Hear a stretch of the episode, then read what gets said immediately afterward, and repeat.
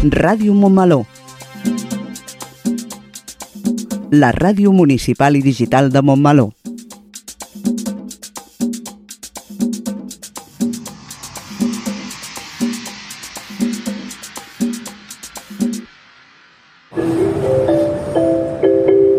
Propera parada, Montmeló.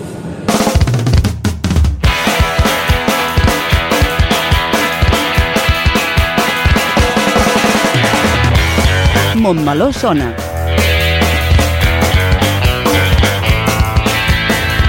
El magazín informatiu de Ràdio Montmeló.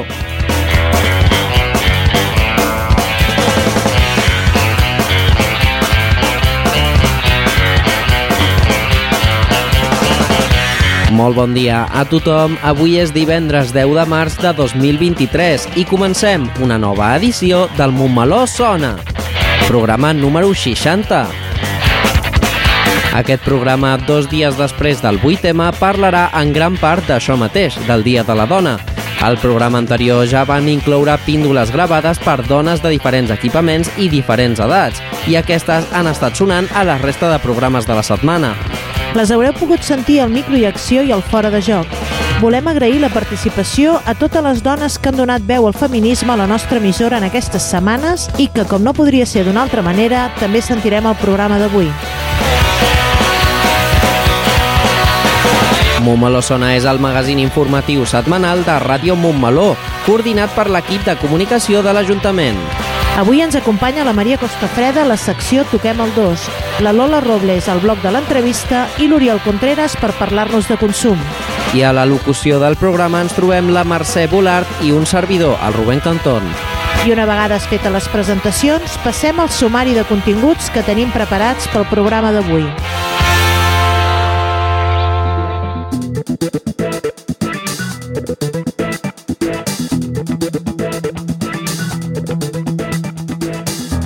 Com sempre, el Toquem el 2 obre el nostre programa. La Maria Costafreda ens portarà en aquesta ocasió a la Fira de la Dona de Sant Llorenç.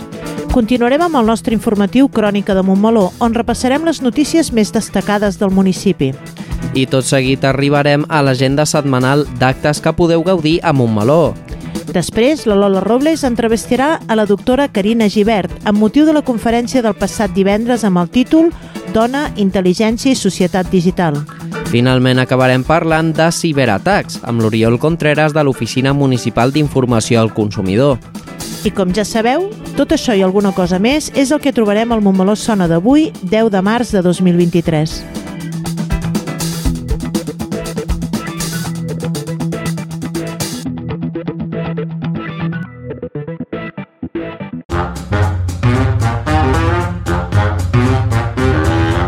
Montmeló sona, el magazín informatiu de Ràdio Montmeló. Montmeló sona i sona així de bé.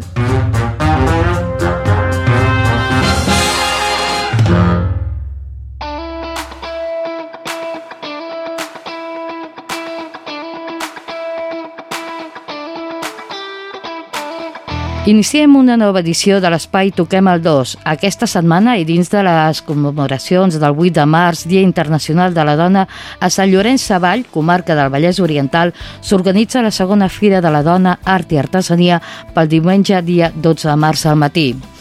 L'any passat es va iniciar aquesta fira multitemàtica i va comptar amb la participació de més de 30 parades de dones, artesanes i venedores, ja que aquesta activitat està pensada per ensenyar l'emprenedoria i l'empoderament de la dona.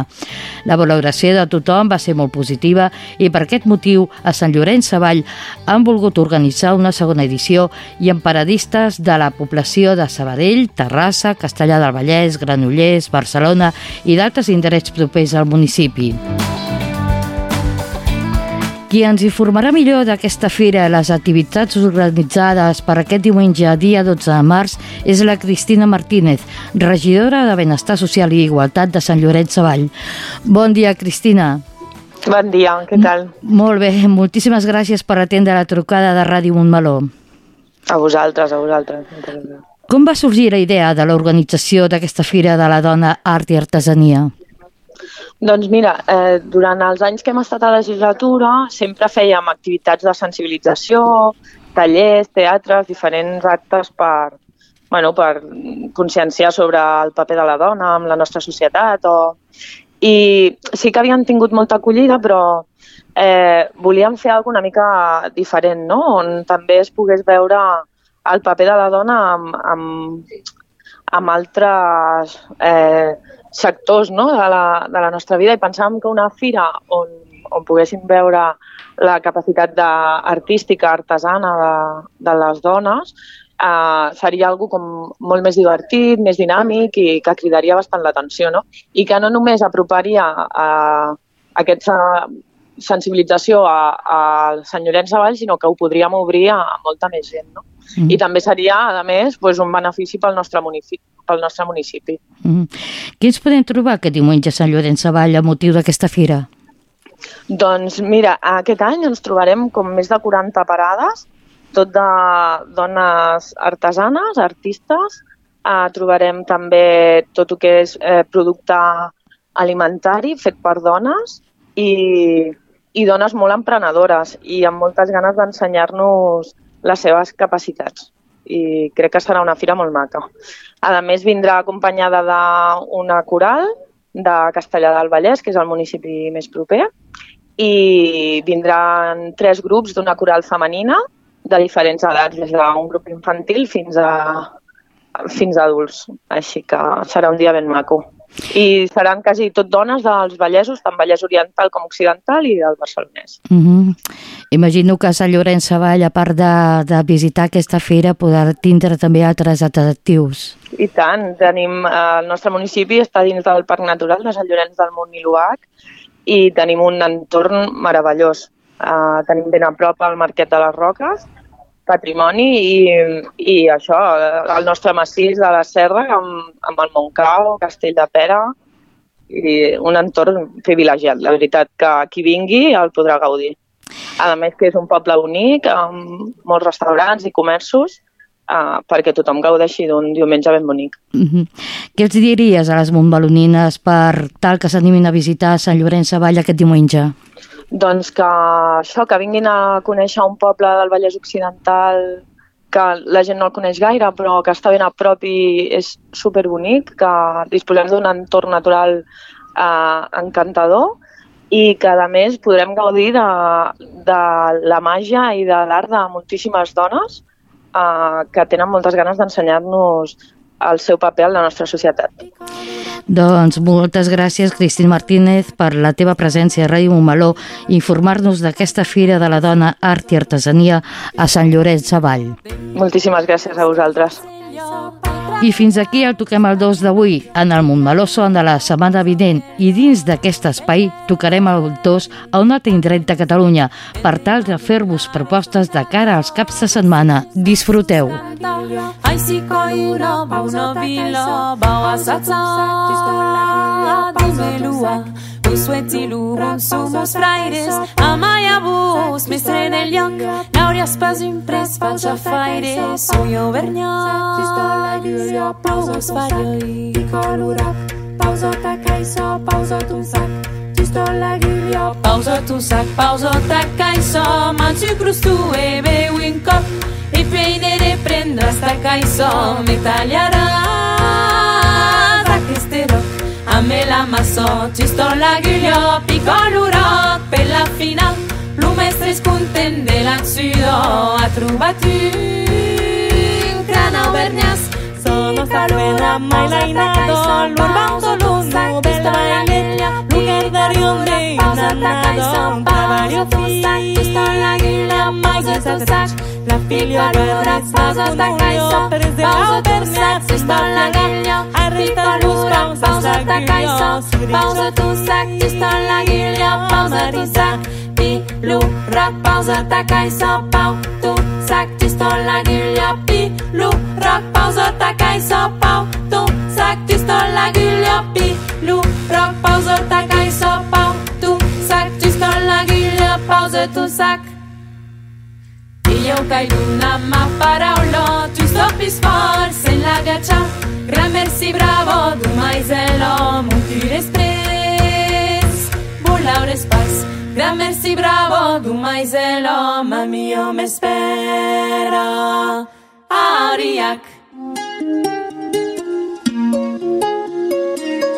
Actualment, ara les dones poden fer el mateix que els homes i hem, ens hem tingut que guanyar per fer això. Els homes i les dones són persones i som iguals, però com que la nostra societat sempre ha sigut masclista, doncs encara hi ha més homes que dones en, en el poder o en, en les empreses també manen més els homes que les dones, fins i tot hi ha dones i homes que fan la mateixa feina que l'home cobra més que la dona. El otro día tenía yo una maleta, o sea, recién llegaba de viaje y entonces un hombre se me ofreció a cogerme el, la maleta porque se ve que yo no podía con mi maleta y eso me molesta un montón. O sea, yo pienso que mmm, ¿por qué si soy mujer no puedo coger peso? O sea, no entiendo. Vanessa, ¿crees que Montmeló es un pueblo feminista?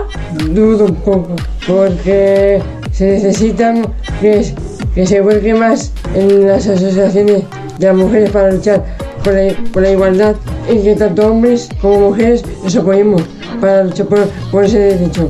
Tampoc facilita recursos a associacions com a AMMI, una associació de dones de Montmeló per la igualtat. Es podria fer a nivell de regidoria d'igualtat. És l'única manera de juntes poder aconseguir aquesta igualtat real.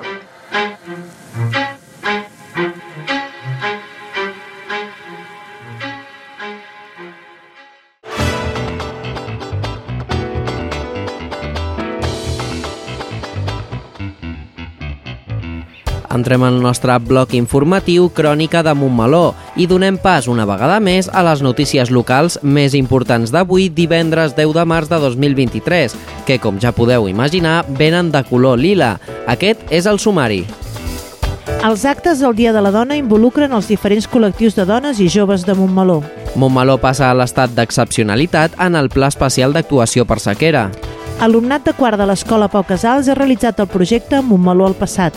L'Ajuntament us convida a participar en un taller participatiu per redactar el nou pla de mobilitat del municipi. Escriu-m'ho. Ja tenim la programació estable de primavera de la sala polivalent, des d'ara fins al mes de juny. Els principals indicadors de treball encara són més favorables als homes, segons dades de l'Observatori Centre d'Estudis del Consell Comarcal.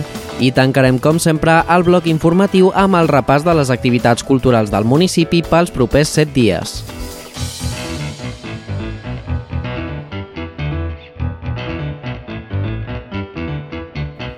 Des del passat divendres dia 3 fins aquest dimecres 8M s'han realitzat a Montmeló tot un seguit d'activitats amb veu de dona i amb visió feminista.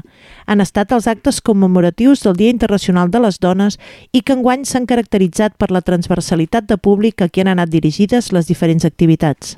La doctora Carina Givert, una eminència en la intel·ligència artificial, va obrir els actes del 8M, amb una xerrada que va omplir la sala de la Concòrdia d'alumnes de l'Institut, una interessant ponència on la catedràtica va fer èmfasi de la importància de la presència de les dones en el món de la ciència.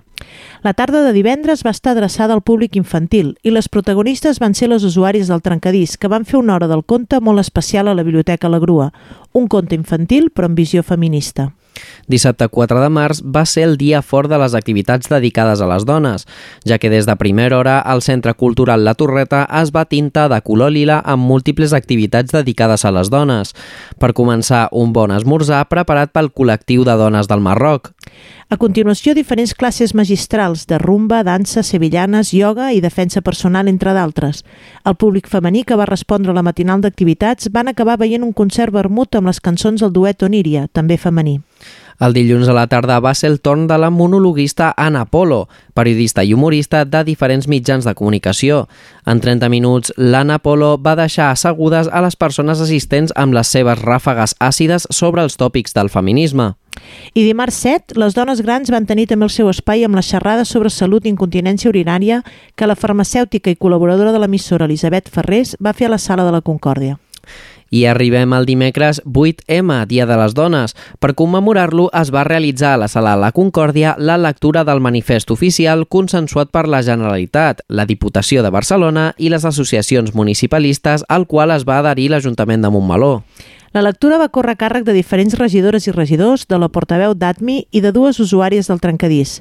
Abans de l'acte institucional, alumnat de primària de les escoles Sant Jordi Pau Casals van llegir frases sobre diferents àmbits de la igualtat de gènere que van treballar dies abans a classe. Com podeu comprovar, han estat moltes i molt variades les activitats del Dia de les Dones. Comptem amb la presència de la regidora de Feminismes i Igualtat, Mar Hernández, perquè ens expliqui com ha anat aquesta setmana d'activitats. Bon dia, Mar. Bon dia. Hem vist que les activitats amb visió de gènere organitzades han consistit en aglutinar els diferents col·lectius i edats de dones de Montmeló. Quina és la importància de comptar amb tots aquests col·lectius? Doncs eh, és vital hem de comptar amb totes les dones de Montmeló, amb totes les dones i amb tots els homes que estan al nostre costat i que són també feministes, no ens mm. oblidem. Llavors, per exemple, eh, comencem pel divendres. Vam començar amb una activitat, del divendres de la setmana passada, vam començar amb una activitat per les joves i joves de l'institut que consistia en obrir noves perspectives, en aquest cas en un tema de, de formació, mm. de no tenim dones en el sector tecnològic. Llavors, la intel·ligència artificial d'aquí ja és molt important ara, d'aquí uns anys encara serà més, i si no tenim dones vol dir que mai podrem tenir la perspectiva feminista dintre de, de, dels desenvolupaments dels programes i de tot el que fan. I vam tenir la infinita sort, perquè potser no, no ho vam valorar molt en el seu moment, perquè és molt modesta, la, la Carina Gisbert, que va venir, que és la professora de la UPC, és, és la dona que ha escollit Nacions Unides per llegir el manifest del 8 de març sobre dona i tecnologia. Mm. I, bueno, pues és un honor, la veritat. Sí, sí. És que crec que va ser... Bueno, els que veu poder estar ja vau veure que, que interessant, no?, que eren les seves... el que ens va explicar.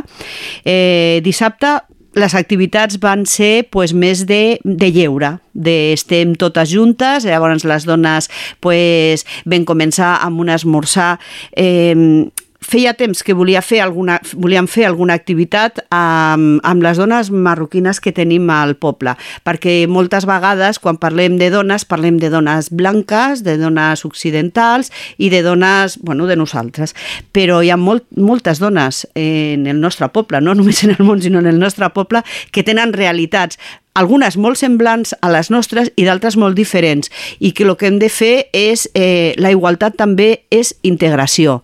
I volíem que ens mostressin allò que més els agrada fer, que en aquest cas és, ens van preparar un esmorzar que la veritat mm, eh, demano disculpes per si algú no va poder, poder entrar, però és que, és que ens va desbordar completament i no s'hi cabia, eh, però ja vam fer la promesa que l'any que ve ho farem o en un altre moment, en un espai més ample, perquè va ser superxulo. Eh, I després, durant tot el matí, doncs, vam estar organitzant activitats doncs, per, per moure'ns, per passar-nos bé, per estar una estona juntes. I vam acabar en aquell vermut eh, amb, amb unes cantants que van cantar unes cançons de tota la vida, cançons reivindicatives i feministes. La veritat és que va ser un dia superxulo. Divendres a la tarda, un altre dels col·lectius que sempre contem amb totes les activitats en totes les activitats que fem pensem que el col·lectiu de gent amb, de persones amb discapacitat és molt important, eh, però les dones amb discapacitat encara ho tenen pitjor.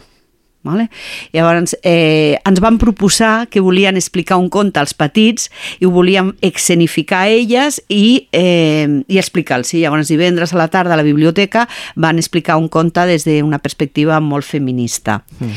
Eh, què més? A veure, el dilluns, bueno, el dilluns vam tenir a l'estrella de, dels monòlegs i de l'humor femení, que és l'Anna la, Polo. Eh, bueno, va ser super divertit, molt, molt...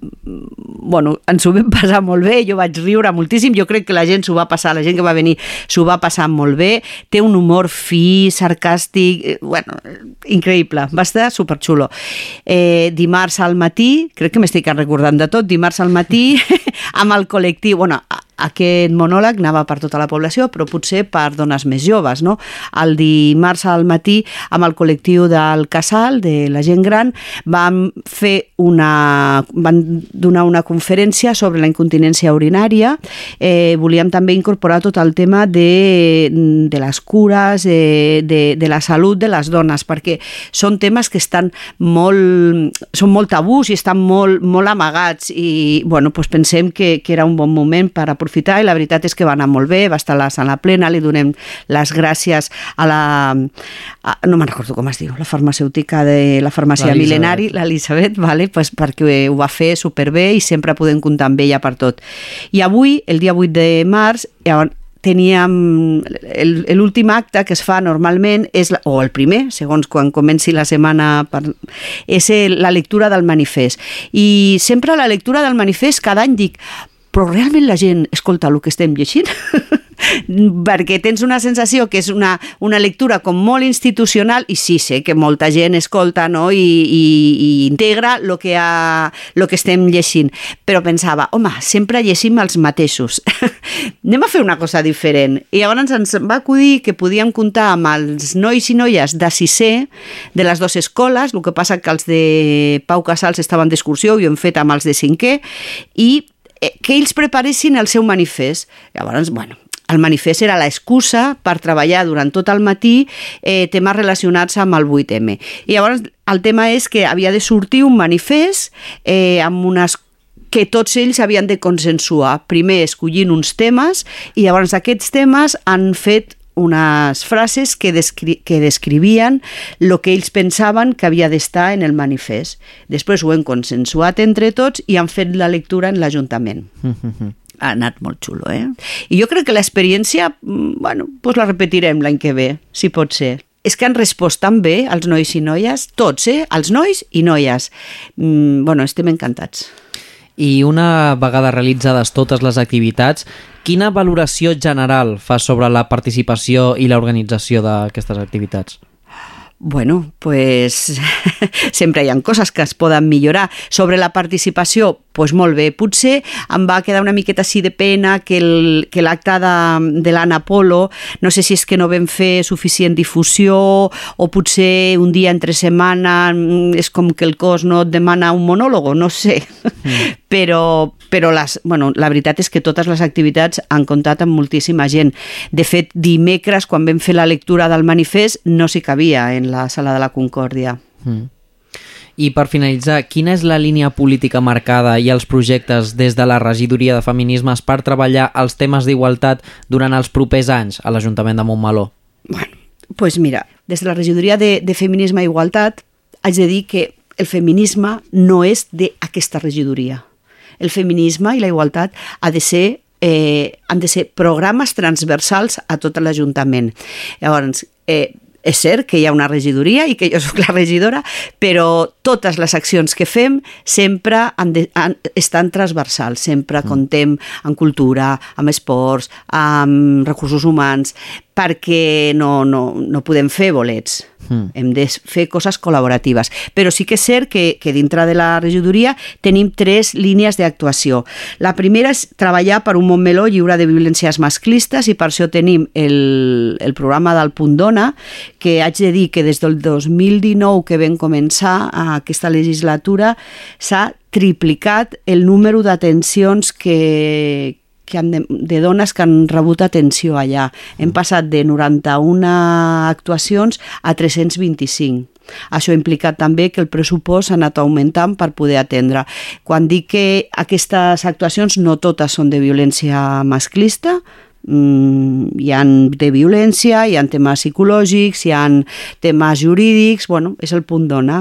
I aquest, ara d'aquí molt poquet posem en marxa el, el SAI, el SAI LGTBI, que juntament amb Diputació i el Consell Comarcal obrirem una, obrirem un, un lloc d'atenció per al col·lectiu perquè pugui manifestar pues, pues, igual que en el punt dona, no? els problemes que té, eh, si ha de demanar ajuda per alguna cosa, si necessita... Per, bueno, eh, un bonsai. Això seria en quant al tema de lliures de violència masclista. Bueno, I una cosa també molt important, que és la nova... Eh, bueno, hasta ara estava molt de moda els punt lila, eh, que són aquestes, aquests quiosquitos que munten a totes les festes eh, per, per evitar les violències masclistes. Nosaltres hem volgut donar un pas més enllà i convertir tot el poble en, en un punt lila i per això le, bueno, al, al projecte li diem Portes Lila. Mm. És mm, Montmeló es queden dintre les dones i els homes i es queden fora les violències.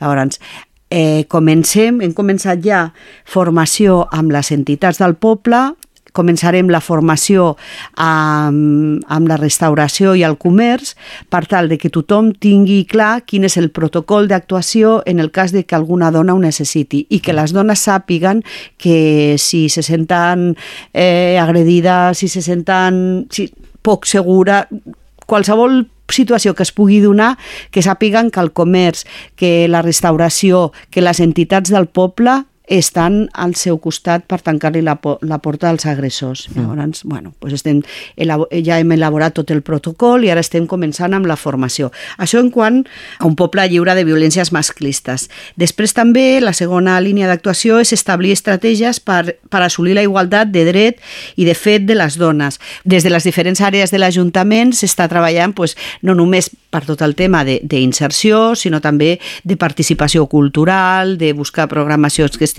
adequades, des d'esports, des de totes les àrees. I la tercera, que jo crec no dic que sigui la més important, però sí que és en la que hem d'incidir més i fer més feina, que és posar en primer pla la prioritat de la coeducació hem d'elaborar i hem de continuar treballant a les escoles, a l'institut, al, al punt juvenil, al CIS, a, a l'estació jove. Hem de continuar treballant per fer una coeducació lliure de violències, eh, igualitària, que això és el futur. No volem oblidar-nos de l'exposició que fins al dia 18 de març romandrà oberta al públic en el Museu Municipal. Es tracta d'una exposició sobre la primera revista feminista que va existir a Catalunya i que es va publicar l'any 1907. Era la revista Feminal. Aquesta interessant exposició es podrà visitar de dilluns a dijous de 10 a 2 quarts de dues, divendres de 5 a 8 de la tarda i dissabte d'11 a 2 del migdia. I per finalitzar, us recordem que el dia 17 l'entitat feminista ATMI iniciarà un cicle de cinema i dones amb la projecció d'una primera pel·lícula, La boda de Rosa, a la Sala de la Concòrdia. La projecció serà el divendres dia 17 a les 7 de la tarda i en acabar es farà un debat sobre el film. La sequera que estem vivint a Catalunya des de finals de 2020 continua agreujant-se, tot i que des de l'octubre de 2021 està activat el pla de sequera i que s'han desplegat mesures per alentir el descens de reserves dels embassaments i aqüífers, el govern de la Generalitat ha decidit donar un pas més en la gestió de la sequera i declarar l'excepcionalitat en el sistema Ter-Llobregat i en l'àmbit de l'aqüífer del Fluvià Muga. En aquest sentit, el Govern de la Generalitat ha aprovat el 28 de febrer de 2023 un decret llei per a protegir els abastaments d'aigua, donar rang jurídic per agilitzar tràmits per a les actuacions que s'hagin de dur a terme, a més de dissuadir i penalitzar els possibles incompliments. El principal objectiu d'aquest decret llei se centra en el desplegament de mesures per garantir l'abastament d'aigua a poblacions, entre elles la recuperació de captacions en desús per a destinar-ne els recursos a l'abastament de poblacions i la requisa temporal de drets d'aprofitament a l'empara de la legislació d'expropiació forçosa en situació d'emergència. En aquest sentit, l'Agència Catalana de l'Aigua pot ordenar la suspensió de les captacions d'aigua de recursos superficials i subterranis per a usos diferents a l'abastament de població situació durant un període màxim de 48 hores. Aquest nou estat provoca una modificació a les mesures i restriccions adoptades al mes de desembre i que recull el pla d'emergència en situacions de sequera.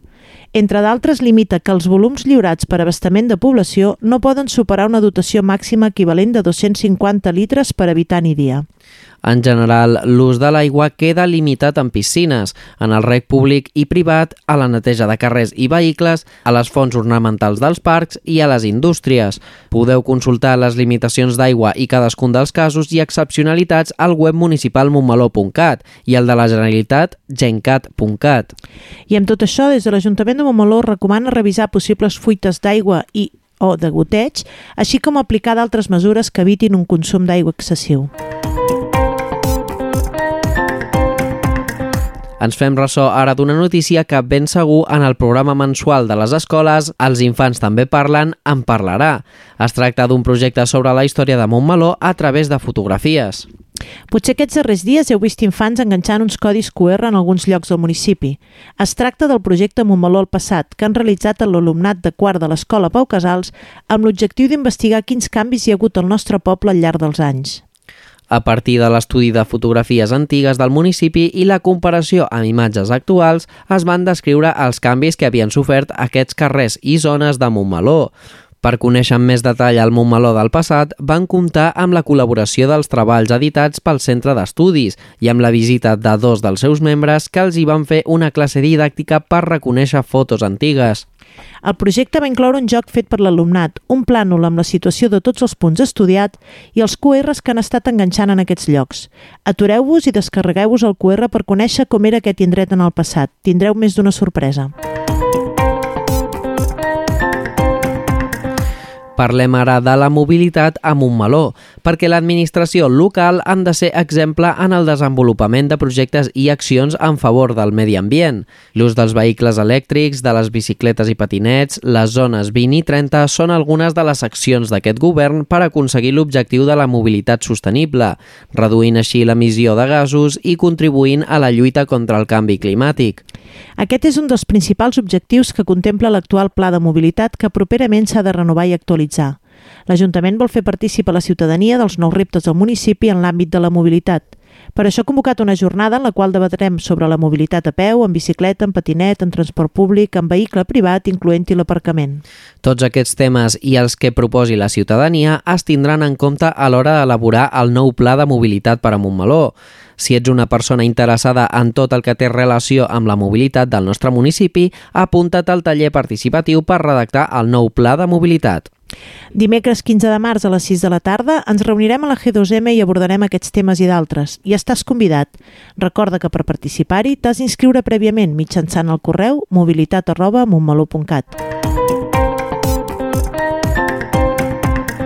I quan encara falta un mes i mig, parlarem de Sant Jordi.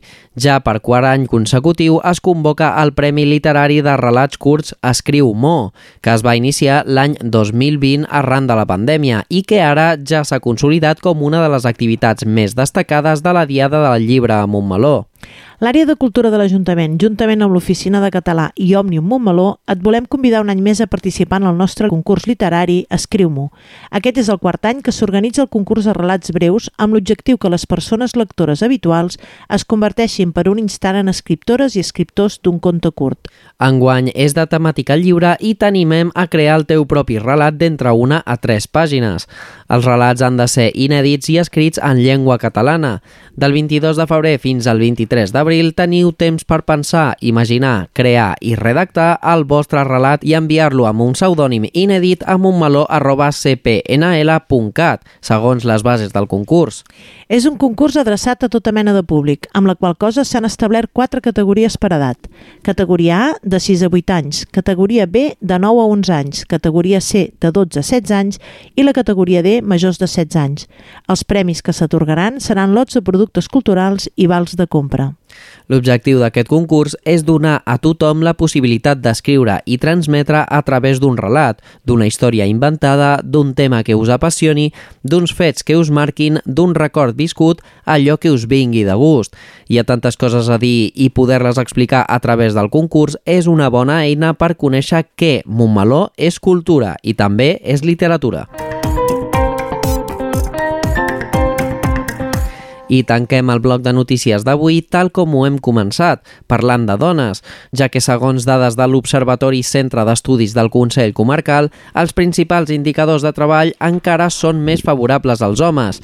Aquest estudi sobre el mercat laboral de la comarca, des de la perspectiva de gènere, aporta dades i indicis de que la situació de les dones al mercat de treball és diferent respecte als homes. Els indicadors estan elaborats principalment a partir de les dades de l'enquesta de població activa del quart trimestre de 2022 i mostren com les dones i els homes presenten realitats diferenciades en el mercat de treball. En aquest sentit, el 2022 ha finalitzat amb una taxa d'activitat que se situa per damunt del 74% entre les dones de 16 a 64 anys, 1,5 punts inferiors a l'any anterior i amb un diferencial amb la masculina de 6,7%. Si es miren els principals indicadors de treball, com la taxa d'activitat, l'ocupació o l'evolució de l'atur, els indicadors són més favorables als homes. L'atur i de retruc la pobresa té nom de dona, especialment a partir dels 45 anys.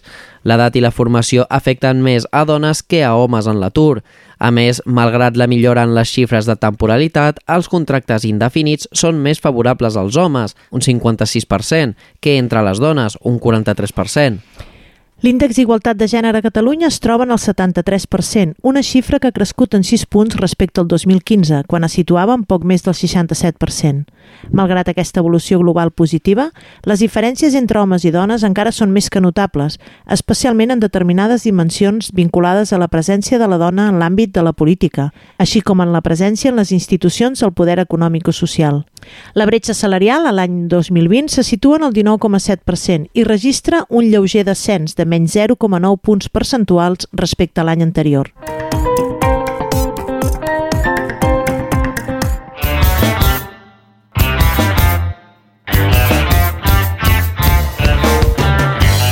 Iniciem el bloc de l'agenda d'activitats culturals per aquest cap de setmana, amb la sessió de Bibliolab d'aquesta tarda de divendres a la Biblioteca La Grua. A partir de les 6 de la tarda, els infants de 5 a 11 anys que ja s'hagin inscrit prèviament faran un taller on crearan escultures de criatures i artefactes fantàstics. Des de la biblioteca ens han informat que totes les places per realitzar aquest taller ja són plenes. El que sí que hi podran participar són els joves que estiguin interessats en participar en la creació d'un logotip de l'estació jove. Avui divendres dia 10, a partir de les 5 de la tarda, podreu formar part del procés participatiu d'un logotip per a aquesta instal·lació juvenil. Després de l'intensíssim cap de setmana passat, sembla ser que aquest cap de setmana no hi ha cap activitat programada, així que passem a parlar de nou del taller participatiu per fer un nou pla de mobilitat a Montmeló. Us recordem molt ràpidament que serà aquest dimecres 15 de març, a partir de les 6 de la tarda a les instal·lacions de la G2M, al costat mateix de la ràdio. Si esteu interessades en formar part d'aquesta sessió, podeu fer la vostra inscripció a través del correu mobilitat arroba montmeló.cat. I parlem ara de cinema, ja que divendres 17 de març teniu oferta doble de pel·lícules. Per una banda, a les 6 de la tarda, a la sala polivalent, es projectarà una nova pel·lícula infantil del cicle de cinema en català per infants Cine Xic que organitza Òmnium Cultural de Montmeló. En aquesta ocasió es tracta de la pel·lícula El cargol i la balena, una aventura entre dos animals molt diferents. L'entrada és gratuïta però s'ha de fer reserva anticipada a la plataforma d'Entràpolis. És una activitat recomanada per a infants a partir de 6 anys.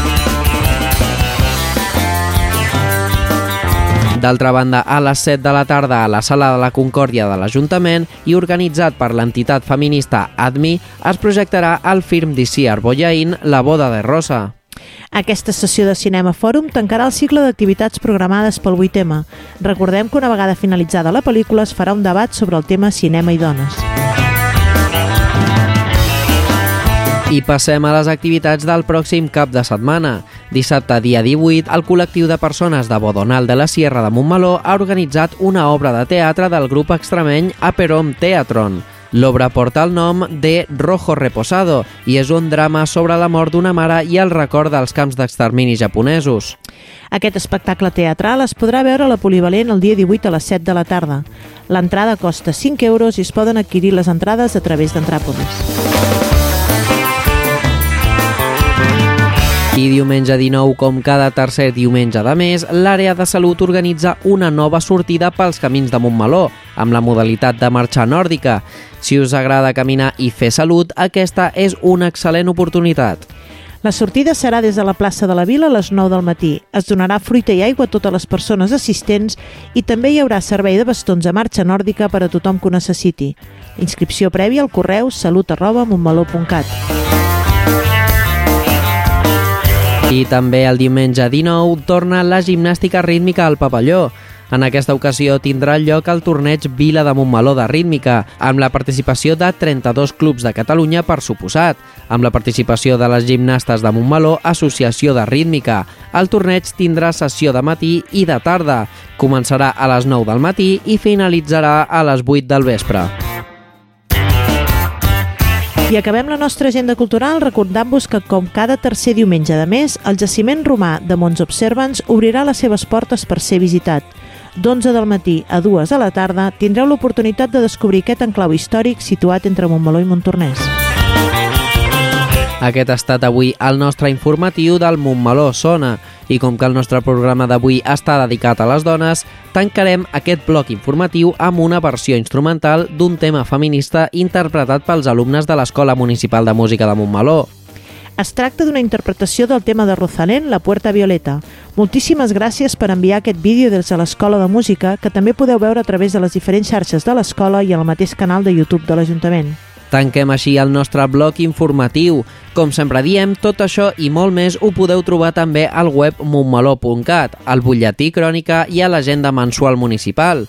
Us animem a totes aquelles persones que sàpiguen la lletra del tema perquè el canteu mentre sonen les notes de La Puerta Violeta, interpretada pels alumnes de l'Escola Municipal de Música Arlet Carmona, Júlia Guerrero, Paula Fullà, Laia Aillon, Biel Garré, Aniol Facundo i Alex Sanz.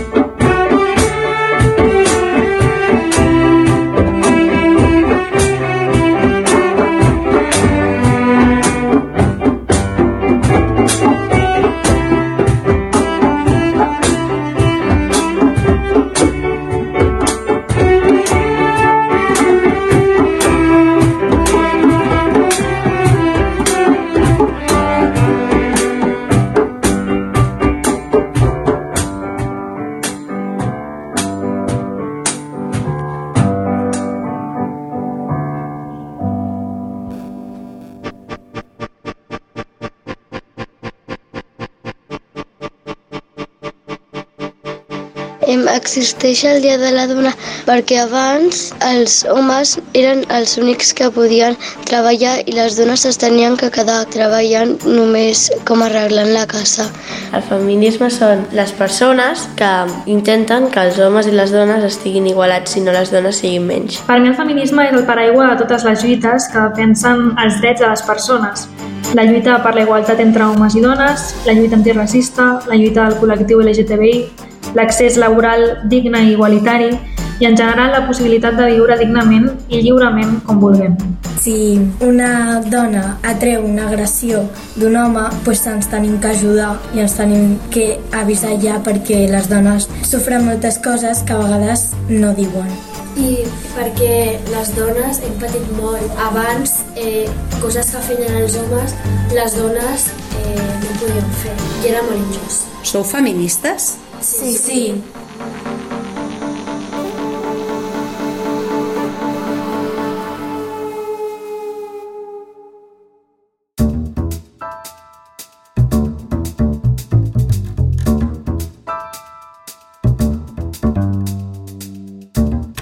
Avui, a l'apartat de l'entrevista del Montmeló Sona, contem a l'altre costat del fil telefònic amb la doctora Carina Llibert, amb motiu de la interessant conferència que va donar divendres passat a la Sala de la Concòrdia sota el títol Dona, Intel·ligència i Societat Digital. Carina Llibert és catedràtica de la Universitat Politècnica de Catalunya i assessora de la Comissió Europea en Ètica i Intel·ligència Artificial. Amb ella volem parlar d'això, d'intel·ligència artificial, una ciència que va sorgir l'any 1956 de la mà del professor McCarthy i que està creant un món nou que avança amb molta rapidesa. Bon dia, Carina. Gràcies per haver acceptat la nostra invitació del Montmeló Sona d'avui. Moltíssimes gràcies. Carina, recentment s'ha celebrat el Mobile 2023. Què és allò que més t'ha sorprès i t'ha interessat d'aquesta edició d'enguany i que en poc temps formarà part de la nostra vida diària? Mira, fa, fa difícil dir què és el que s'integrarà més ràpid, no? perquè al mobile, com sabeu, hi ha molta cosa disruptiva, però, per exemple, una de les coses que a mi em va cridar molt l'atenció va ser la proposta de la pròpia Mobile World Capital, no? que, que va fer una proposta al voltant dels sentits i de com pots experimentar els sentits a través de la tecnologia, i això està directament connectat amb la realitat virtual i tots aquests sistemes d'experiències immersives, no? I, bueno, segurament eh, en els propers anys veurem com aquestes coses poden com aquestes coses poden agafar un cert espai en la nostra vida més ordinària, com si diguéssim, no més quotidiana, perquè, per exemple, jo ja fa molts anys vaig veure un, una prova d'uns japonesos que eren capaços d'enviar olors a través d'un mòbil, no? I, i, bueno, i això cada vegada, clar, avança més. Hem vist que la màquina és capaç d'aprendre per si mateixa i recrear el comportament del nostre cervell. Però en quin punt ens trobem avui dia quan a intel·ligència artificial? I quina és la diferència a dia d'avui entre l'ésser humà i les màquines? Home, la diferència entre l'ésser humà i les màquines és insalvable, diria jo, és molt gran, eh?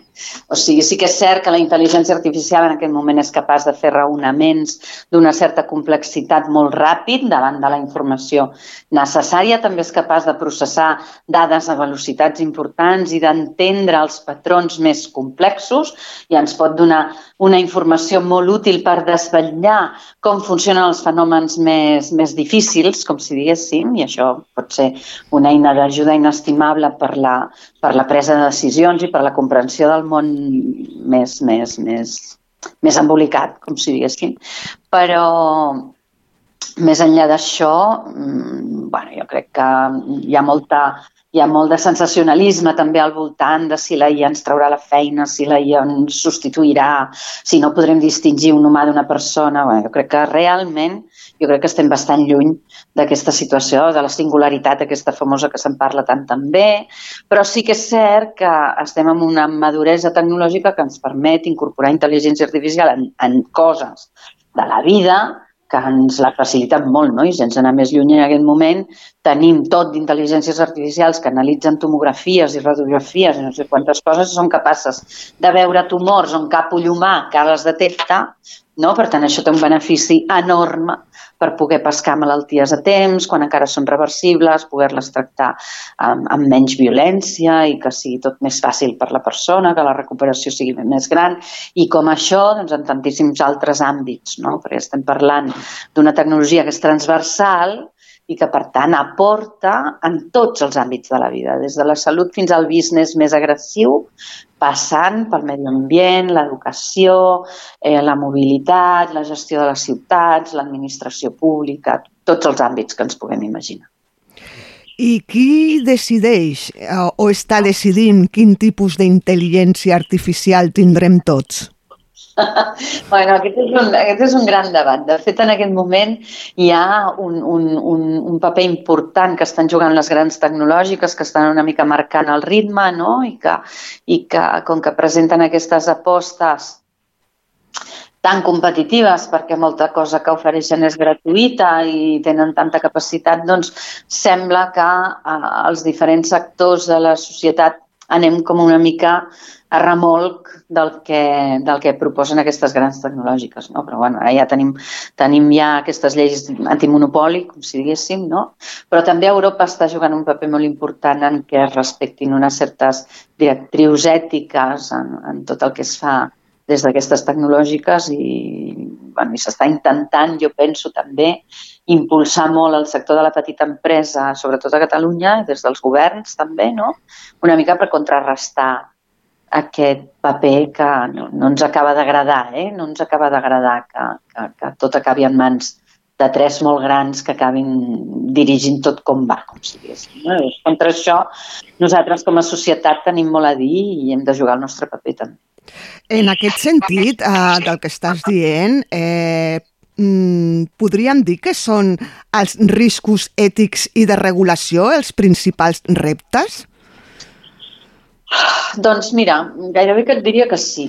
Gairebé que et diria que el més, més que els reptes tecnològics, que la tecnologia va com un tiro i cada vegada millora més de pressa i la superem, la, la versió d'avui la superem d'aquí 15 dies i, i és tot com molt ràpid, jo crec que realment el, el, el punt important és eh, eh, des de quin marc nosaltres insertem intel·ligència artificial a les nostres vides i eh, quin és el rol que volem reservar per a aquestes tecnologies i com establim la relació dels usuaris, dels diferents tipus d'usuaris amb aquestes tecnologies, perquè, sobretot, la visió europea el que defensa és que els drets humans estiguin preservats en tots els àmbits no? i que eh, mai eh, un ús de la intel·ligència artificial pugui revertir en la generació de desigualtats o de greuges o de desigualtats socials.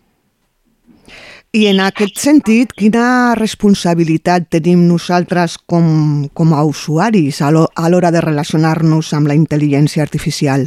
Bona aquesta pregunta, perquè aquí tothom juga un rol i té una part d'aquesta responsabilitat. I així com nosaltres, els experts, la nostra responsabilitat és fer que els que desenvolupen IA ho facin eh, d'una forma preservada, com si diguéssim, la dels usuaris també és tenir el suficient esperit crític com per decidir quin tipus d'IA volen consumir i quin tipus d'IA es neguen a consumir. No? De la mateixa manera que tu avui dia no compres un electrodomèstic que no sigui eficient energèticament, tampoc hauries de consumir una IA que no és ètica, per exemple. No? I aquí jugar un paper important, una cosa que és molt pesada, que està molt mal resolta i que nosaltres treballem perquè s'arregli, que és totes aquestes cookies, no? O sigui, tu quan et baixes una app, que n'hi ha que són de vegades divertides i són com per passar-t'ho bé, no? Ai, ara me pongo rubia i ara me pinto los labios de azul, no? I tinc un, poso una foto i me veo rubia i me veo no sé què. I això de vegades són per divertir-se i, i no compleixen cap més funció que l'entertainment més pur, però mentre estàs acceptant les cookies no t'has donat compte que estàs autoritzant a que les teves dades es recullin eh, els teus contactes al mòbil, potser es transmetin a un tercer i, i, i, i que perdis el control de després què es fa amb allò, no? I que en un moment donat et pugui revertir en què tu tot solet has autoritzat que un aplicatiu reculli unes dades que després han anat a parar a la teva asseguradora i que te suban la prima del seguro cinco veces porque saben que los sábados eh, bebes cuando conduces, per exemple, jo què sé, no? Vull dir que això a Espanya no passa i a Europa tampoc, però als Estats Units sí, perquè comerciar amb les dades de les aplicacions és legal. Per tant, mm -hmm. clar, la responsabilitat nostra saber on ens fiquem, bàsicament, no? Encara que la intel·ligència artificial està donant els seus primers passos, en un futur podrà superar la intel·ligència humana i tornar-se en contra? No, aquest és, el, aquest és el tema que et deia jo al principi Sí. de, la, de la singularitat. Jo, vaja, jo no m'imagino, eh? No m'imagino una intel·ligència artificial revelant-se contra la humanitat. No, és, que, és que si això passés, la desconnectes. No sé com explicar-ho. no? Vull dir que això és una cosa que sempre pots fer, eh? Vull dir que no, no, no, no, jo, jo, això sí que és un debat que es planteja de forma literària en els àmbits més de ciència-ficció, perquè bueno, està bé reflexionar, però, però no crec jo que la tecnologia pugui arribar a aquest punt. Crec que no. I finalment, cap a on apunta el futur? Com entens la evolució de la intel·ligència artificial? Es pot saber què veurem dintre de 50 anys en qüestió d'intel·ligència artificial? Home, amb 50 no ho sé, però jo el que sí que espero és que molt aviat, molt aviat, molt aviat tinguem assistents personals, no? Que, que, que t'avisin doncs, quan, quan, jo què sé, quan has d'anar al metge, que t'avisin eh, quan se t'està a punt de passar un termini per demanar una cosa a l'administració pública que, i que tu puguis anar una mica més descansat pensant en coses més de relacions entre persones i no tant de temes administratius i que tot això simplifiqui bastant uh, la vida de tothom. No? Això jo penso que és fàcil i que segurament ho tindrem aviat i, i, bueno, i crec que continuarà havent-hi millores i avenços importants en, en, en màquines domèstiques que cada vegada ens faran més coses. Val? Ara ja en tenim una que ens escombra sola, no? si a més a més aconseguim que ens renti els vidres, doncs ja serà eh, la pera, com si diguéssim, no? Vull dir que el camp de la robòtica jo crec que avançarà molt, la robòtica assistencial segurament també avançarà molt, i tota la part de visió i de llenguatge i de, i de veu doncs, també són, són àrees que estan destinades a millorar molt ràpid. No? En temes de raonament jo crec que també millorarem, però, però jo crec que allà en veurem coses més espectaculars, segurament en els àmbits de la percepció i de la robòtica, probablement. Doncs moltes gràcies, Carina, per haver atès la nostra trucada i compartir aquest espai amb nosaltres. Muchísimas gracias, un placer. En el arte, la ciencia, el deporte, siempre hay una constante. La historia siente vergüenza, siempre antes de acostarse. La política y la guerra tienen algo en común, la verdad, la cuentan los mismos. Y el objetivo eres tú. Me faltó la mitad, miro atrás y no están las que estaban siempre a un lado, las que siempre faltarán. Mujeres que hicieron historia, mujeres murieron sin gloria. Buscar referentes en libros, en la escuela no tienen memoria. Hagan y de Tesalia la llamaron bruja.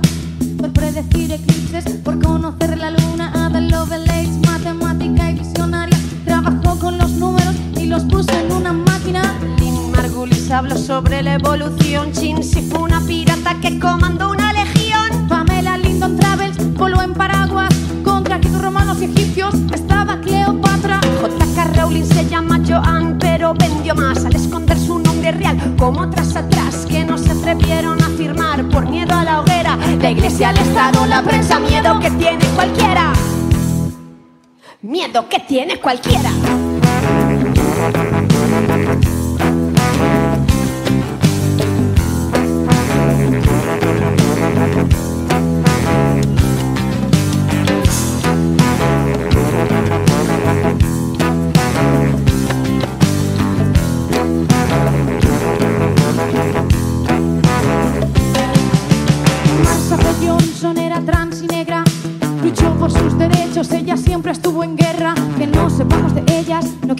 Que no existan. Venga, va, dime una compositora renacentista. Julia Hermosilla casi nos libra de Franco en dos ocasiones. Quiere una plaza, una avenida con su fucking nombre. Dolores y Barruri gritó no pasarán. Hoy tú gritas lo mismo contra los mismos, pero este frente vencerá. Que se esconda, se esconda el hombre del saco que te roba, que te firma tu trabajo, que se esconda, se esconda el hombre del saco que te roba, que te firma tu trabajo. De las quitan desde las cosas, y yo solo repito, solo repito, su lucha fue hermosa, su lucha fue hermosa, su lucha fue hermosa.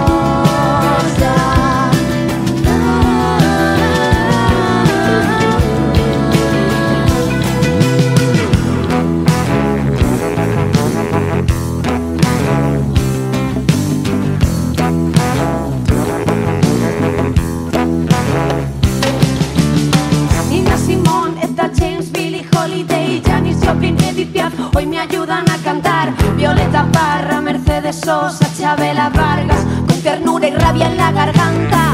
Por mis ancestras, por mis abuelas, por las poetas olvidadas, por todas las nuestras.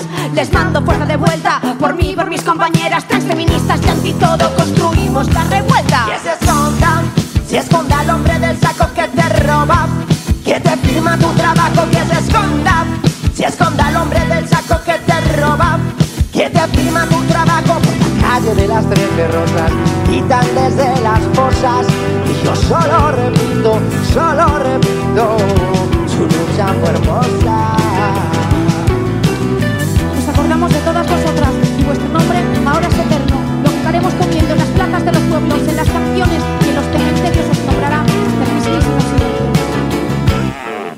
No es justo que tus sueños estén llenos de miedos. Sostienen su relato mientras caen un agujero, contando con solo la mitad de las personas. Creamos sociedades enfermas y esto no funciona. Cuéntame ese cuento, cuéntame ese cuento, que lo cuente la yaya que ya escuché la puedo. Lo decía Emma Goldman, esa tinta así se borra con sudor y sangre. Las que sangraron las mujeres en la historia.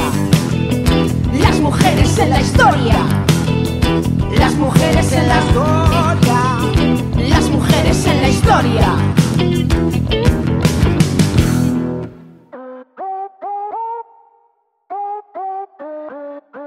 El feminisme és quan les dones volen els mateixos drets que els homes. Jo crec que això és bastant correcte perquè les dones es mereixen eh, els mateixos drets i la mateixa llibertat que els homes. El feminismo es que las mujeres tenemos el mismo derecho y las mismas aptitudes que los hombres. El Dia de la Dona es celebra perquè era el dia que les noies feien una manifestació perquè abans d'aquell moment del 2023 a les noies no deixaven fer gaires coses, només, de, només deixaven els nois. Hem hagut de demostrar que són iguals que els homes en tots els entorns i portar el gran pes que suposa les feines de la llar, el treball, la família... I creus que és just això? No, gens just. Jo crec que això tindríem de canviar-ho. Perquè som iguals o no? Sí, Hem de ser iguals les noies tots som persones. Jo he estudiat la Malala Yousafzai i ella lluitava perquè les noies del seu país anessin a estudiar a l'escola. I això em sembla molt bé.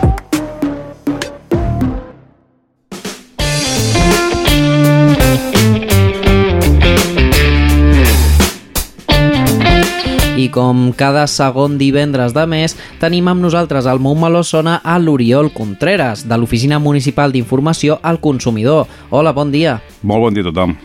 Avui ens vens a parlar de eh, ciberatacs, veritat? Sí, casualment, amb tot el que està passant, sí. però que, que ara ha passat en, en aquí, en, el, en aquest hospital, però que ens ha passat altres vegades, eh, enrere, vull dir és casualitat. Però jo sí que venia a parlar de, de ciberatacs més a, de modalitat més domèstica, no? Sí, de l'usuari... de- Des del punt de vista del consumidor. Correcte, val? tot i que aquí també està afectat el consumidor no? en aquest Sí. problema del, del, del clínic, però jo et parlaré d'altres eh, ciberatacs, d'altres eh, perjudicis que podem tenir des d'això, des del punt de vista de, del consumidor del dia a dia. Mm. Què són els ciberatacs i que, com ataquen al consumidor?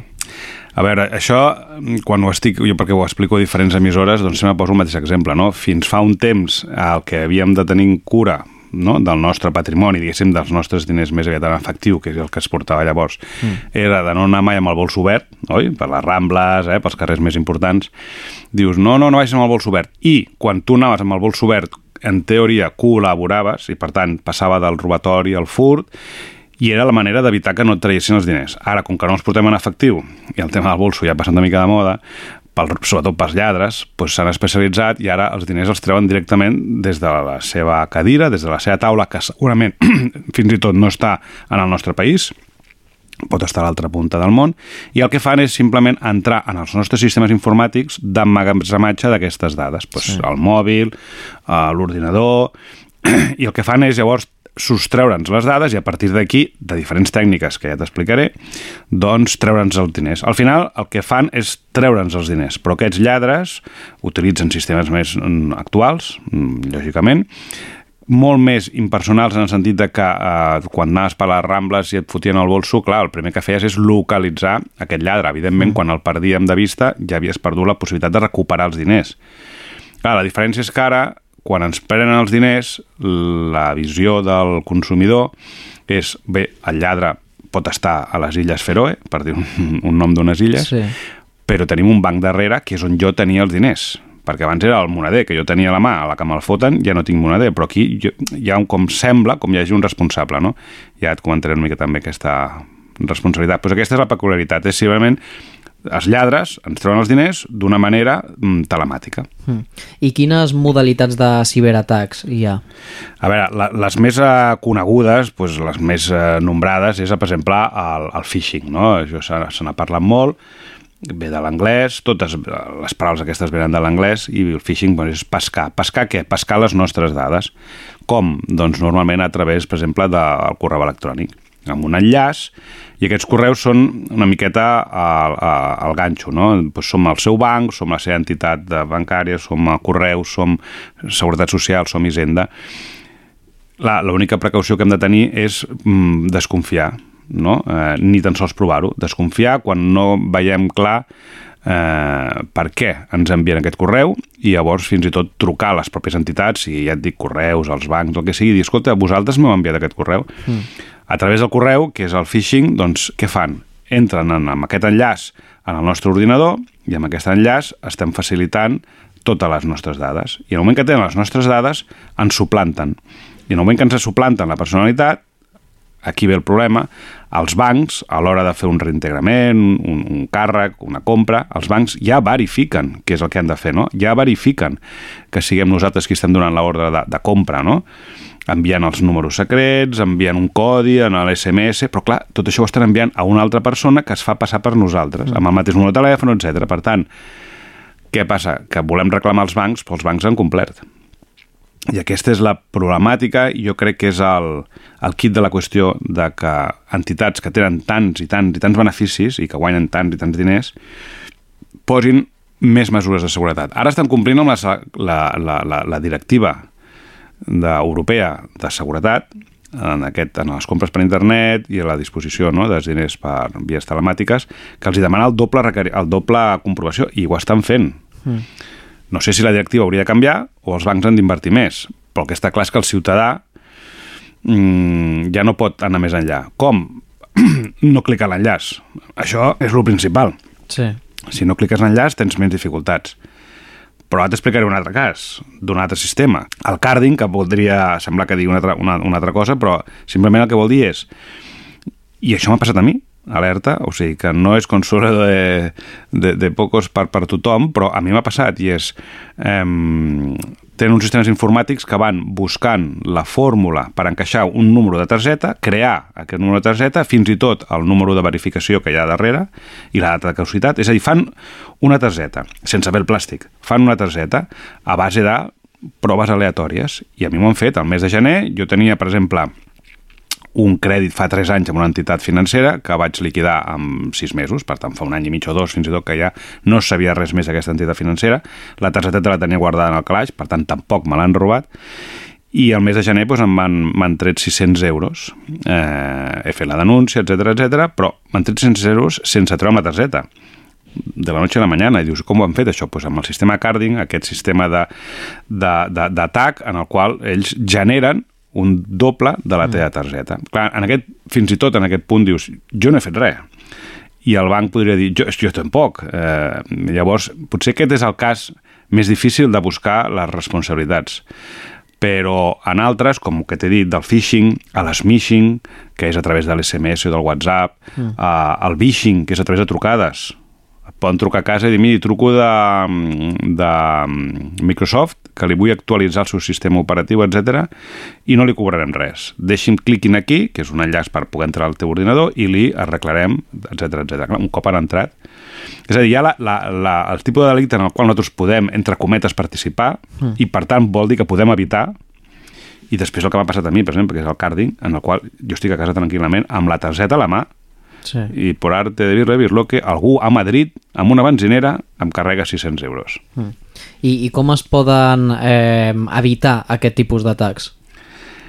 ja et dic, en, en, el de, en els tipus de delictes en el qual la participació nostra és necessària, Mm. clica en l'enllaç, envia dades, contesta el telèfon, mm, etc etc. Sempre està com ben alerta, no? Des, sí, desconfiar 100%. Si a vegades aquesta desconfiança és en excés, prefereixo un accés, és a dir, que, que vull en accés, que realment t'està dient alguna al banc i tu realment t'està, estàs passant d'ells, tranquil, que se posaran en contacte d'una altra manera, per telèfon o, o tu trucant, no? Però la, la desconfiança és bàsica i és l'únic recurs que tenim, no, perquè no en sabem d'informàtica ni de delictes. Sí. Suposo que tothom ha rebut alguna vegada un SMS de no tens un paquet d'Amazon amb un enllaç i dius, però si jo no he demanat res a Amazon. Clar, el sistema aquest dels ciberatacs és fer un atac massiu sí. i, i de cada, per dir un número, eh, de cada 100.000, ni que n'hi hagin 6, Mm. coincidirà. Sí, en sí. què? Per exemple, t'envien un SMS de correus. Té vostè un correu a recollir, però primer té que pagar una tassa de 2 euros, cliqui aquí per pagar... Clar, no tothom té paquets de correus, però molta gent i cada cop més compra per dir Amazon o per dir una altra empresa i li envien per correus. Sí. Si coincideix que tu has comprat, si coincideix que estàs esperant un paquet de correus, doncs aquest ja és objectiu pràcticament segur. T'envien un, un missatge del Banc Santander, però tu no tens compte al Banc de Santander, evidentment no en faràs cas. Però si envien un, un, un missatge de CaixaBank, on pràcticament, no, és com el Super 3, tothom és de CaixaBank, doncs tens més facilitat en que la persona s'ho cregui. Per tant, desconfiar sempre, tot i tu ser client d'aquell no? correu electrònic i, i, i desconfiar. I una vegada um, l'atac ja ha succeït, l'usuari pot fer alguna cosa?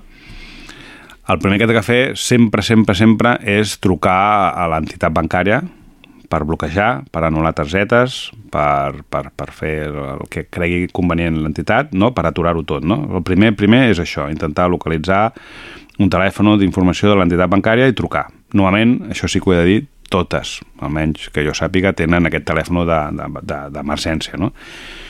El segon, ja t'ho diran ells, no? és fer la denúncia i enviar la denúncia de Mossos d'Esquadra, doncs enviar-la a l'entitat bancària. A partir d'aquí mm, poden passar moltíssimes coses. En gran mesura jo crec que les entitats bancàries no, est no estan tornant els diners, eh, en alguns casos, perquè hi haurà gent que em dirà que sí, i és cert, en alguns casos sí que s'han tornat els diners, i en aquests que no s'han tornat els diners, doncs eh, comença el periplo de reclamació doncs, a l'entitat bancària, atenció al client pròpiament de l'entitat bancària, es pot anar a, al Banc d'Espanya, l'oficina del consumidor, en aquest cas de Montmeló, doncs, ajudem no? en aquest camí, assessorem, i, i finalment, depèn de les quanties, perquè ja, en el meu cas, mira, jo t'ho dic, aquí m'han tret 600 euros i ja batallaré per ells, però és que hi ha gent que li han tret 3, 4, 5 i 6.000 euros Mm. o més, mm, pocs, però d'algun en tinc de, de, de, més, de més diners. Doncs pues acabes en el jutjat, lògicament. I, i, però en el jutjat no contra el delinqüent, perquè el delinqüent, insisteixo, que pot estar Exacte. a Cuba. No, Sí. no. Hem d'intentar traspassar la responsabilitat una miqueta a l'entitat bancària. Mm. Hi ha alguna cosa més que hem de tenir en compte respecte als ciberatacs? A veure, són molt novells els consumidors i per això abusaran de nosaltres i tenir clar que abusaran de nosaltres. Per tant, aquesta desconfiança quasi total i general, insisteixo, per molt que sembli a vegades maleducada o abusiva, és l'única l'única eina que tenim. Quan més coneixem, evidentment, quan més programes sentim per la ràdio, quan més programes veiem per la tele, quan més llegim, quan més en sapiguem, al final, no? el coneixement farà que ens, se, ens salvarà una mica més. És, és, és l'únic que puc dir. Aquell que estigui més assabentat, no? però imagina't, jo, que treballo amb això, Ja. i me l'han fotut. Eh? Però, però perquè el sistema que han uti- han utilitzat amb mi doncs, era impossible que jo pogués fer, que jo pogués fer res. És que fins i tot amb aquella targeta tallada val?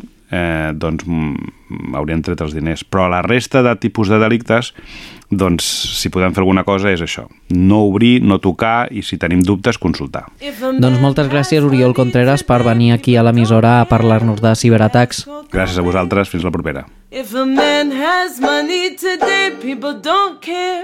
If he has Coco Bay, he can commit murder and get off free. Live in the governor's company. But if you are poor, people tell you, shoot, a dog is better than you.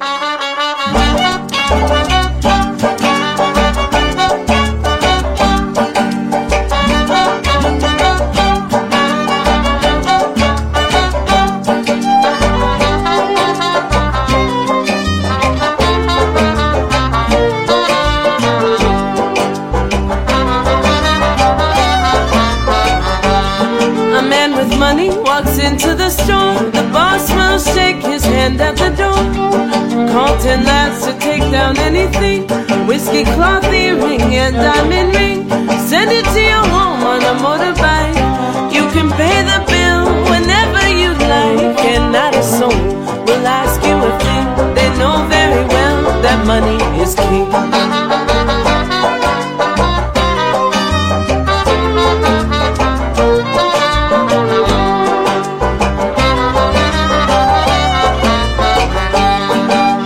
Can walk about and take a bone. Found head stamp, fish tail and boom. If it's a good breed and not too wild, people will take it in mind as a child. But when a hungry man goes out to bed, they send a bulldog behind his leg. Twenty policemen will take him down too. You see how a dog is better than you.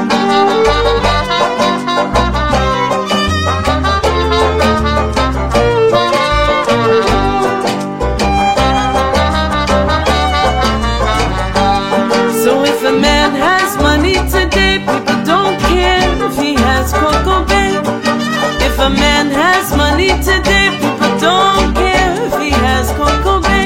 He can commit murder and get off free.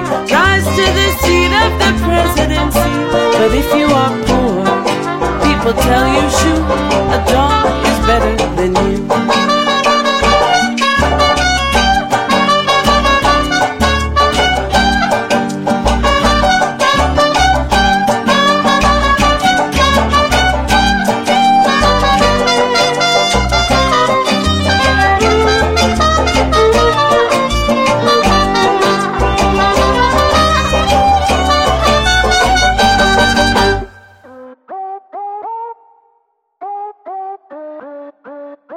Feminismo es que lo que hacen los hombres, el mismo trabajo, también lo pueden hacer las mujeres. Què és el feminisme? No ho sé, no m'ho han ensenyat a la meva escola, Pau Casals, i a més, encara no estem a aquell nivell, els de tercer. És la igualtat que lluiten les dones. La igualtat entre un home i una dona.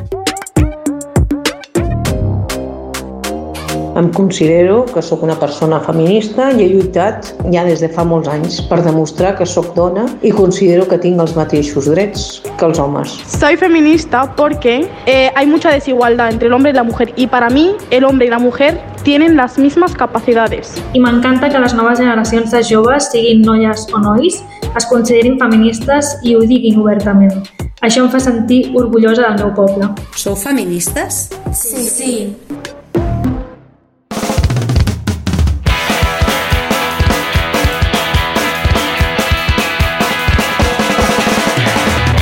I amb aquesta sintonia finalitzem el programa. Però abans, com portem fent des de fa uns mesos, repassem tots els programes que podeu sentir a la nostra emissora la setmana vinent. El passat dilluns 6 finalment no vam tenir patrimon a causa dels refredats que hi ha últimament per tot arreu. Però no us preocupeu, el programa s'ha ajornat fins al proper dilluns 13. Sentiu un nou podcast de Patrimon amb el Pol Castejón i la Maria Antònia Carrasco a les 12. Dimarts 14, la farmàcia arriba directament a casa teva amb un nou podcast de Montsalut. L'Elisabet Ferrés i el Jordi Llopis ens parlaran a les 12 del migdia de com tenir cura d'un dels òrgans més importants del nostre cos, tot i que en un principi no pensem en ell com a tal. Parlem de la pell. Dimecres 15 a les 12, l'Aitor Guerra ens porta una nova edició de Micro i Acció, si tot surt bé, en un especial en directe pels seus 50 programes. El mateix dia 15 a les 15, què podem tenir? És clar, un nou 15 són 15, el programa de la Biblioteca Municipal La Grua. La Eli i la Fina ens explicaran les últimes novetats que podem trobar a la nostra biblioteca. Per acabar, dijous dia 16 a les 21 hores, segueix l'actualitat esportiva del municipi amb un nou fora de joc amb el Marçal Pont i el Pablo Sánchez. Una setmana ben plena de programació.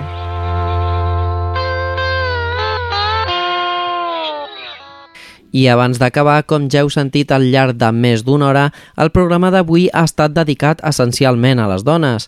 Hem sentit la paraula i les veus musicades de dones de diferents àmbits demanant igualtat i que el masclisme deixi de ser una xacra de la nostra societat. Però això no serà possible mentre que paral·lelament hi hagi casos d'agressions sexuals tan greus com la que es va destapar aquest cap de setmana. Parlem de la violació grupal d'una nena d'11 anys a un centre comercial de Badalona. Aquest cas és especialment greu cada dia que passa i amb cada detall que va sortint a la llum. Es tracta d'una nena violada per un grup de menors. A més, la família ha rebut amenaces de mort. Tot això ens ha de fer reflexionar molt sobre la societat que estem construint i els valors que projectem sobre els nostres infants. La violència, el racisme, el masclisme, l'abús físic, la intolerància han de ser conceptes que hem de desterrar definitivament. Les administracions, la societat civil i les persones hem de treballar conjuntament perquè les noves generacions abandonin aquests patrons de conductes insanes i violentes. Des de Ràdio Montmeló volem aprofitar els últims minuts d'aquest programa per visibilitzar aquests fets tan greus i per fer una crida a la igualtat entre persones. I fins aquí el programa d'avui. Ens retrobem el proper divendres 17, ja que Montmeló tornarà a sonar a les 12 del migdia. Passeu molt bon cap de setmana. Hay un monstruo gris en la cocina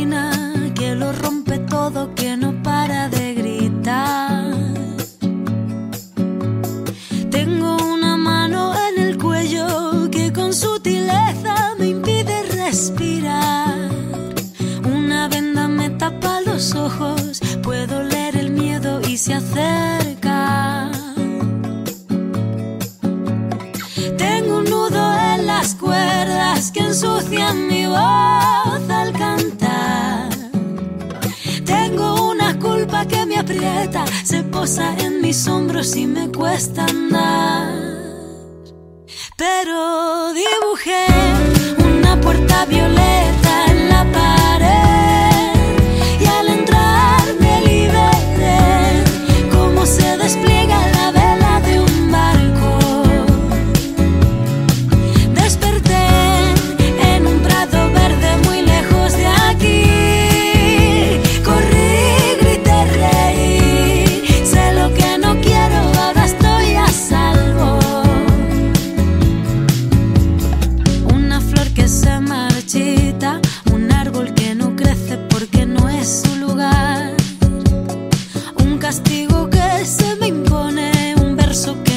que me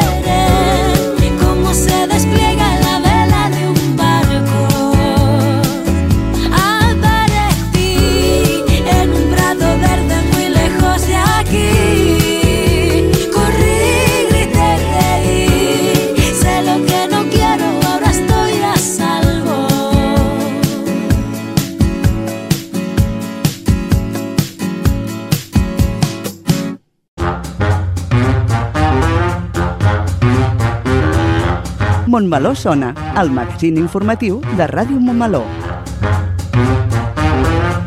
Montmeló sona i sona així de bé.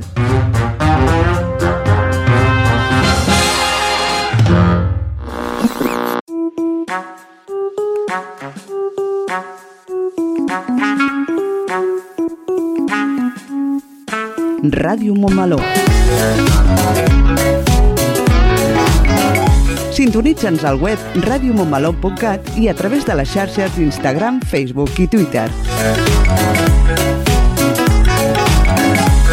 Ràdio Montmeló, la ràdio municipal i digital de Montmeló.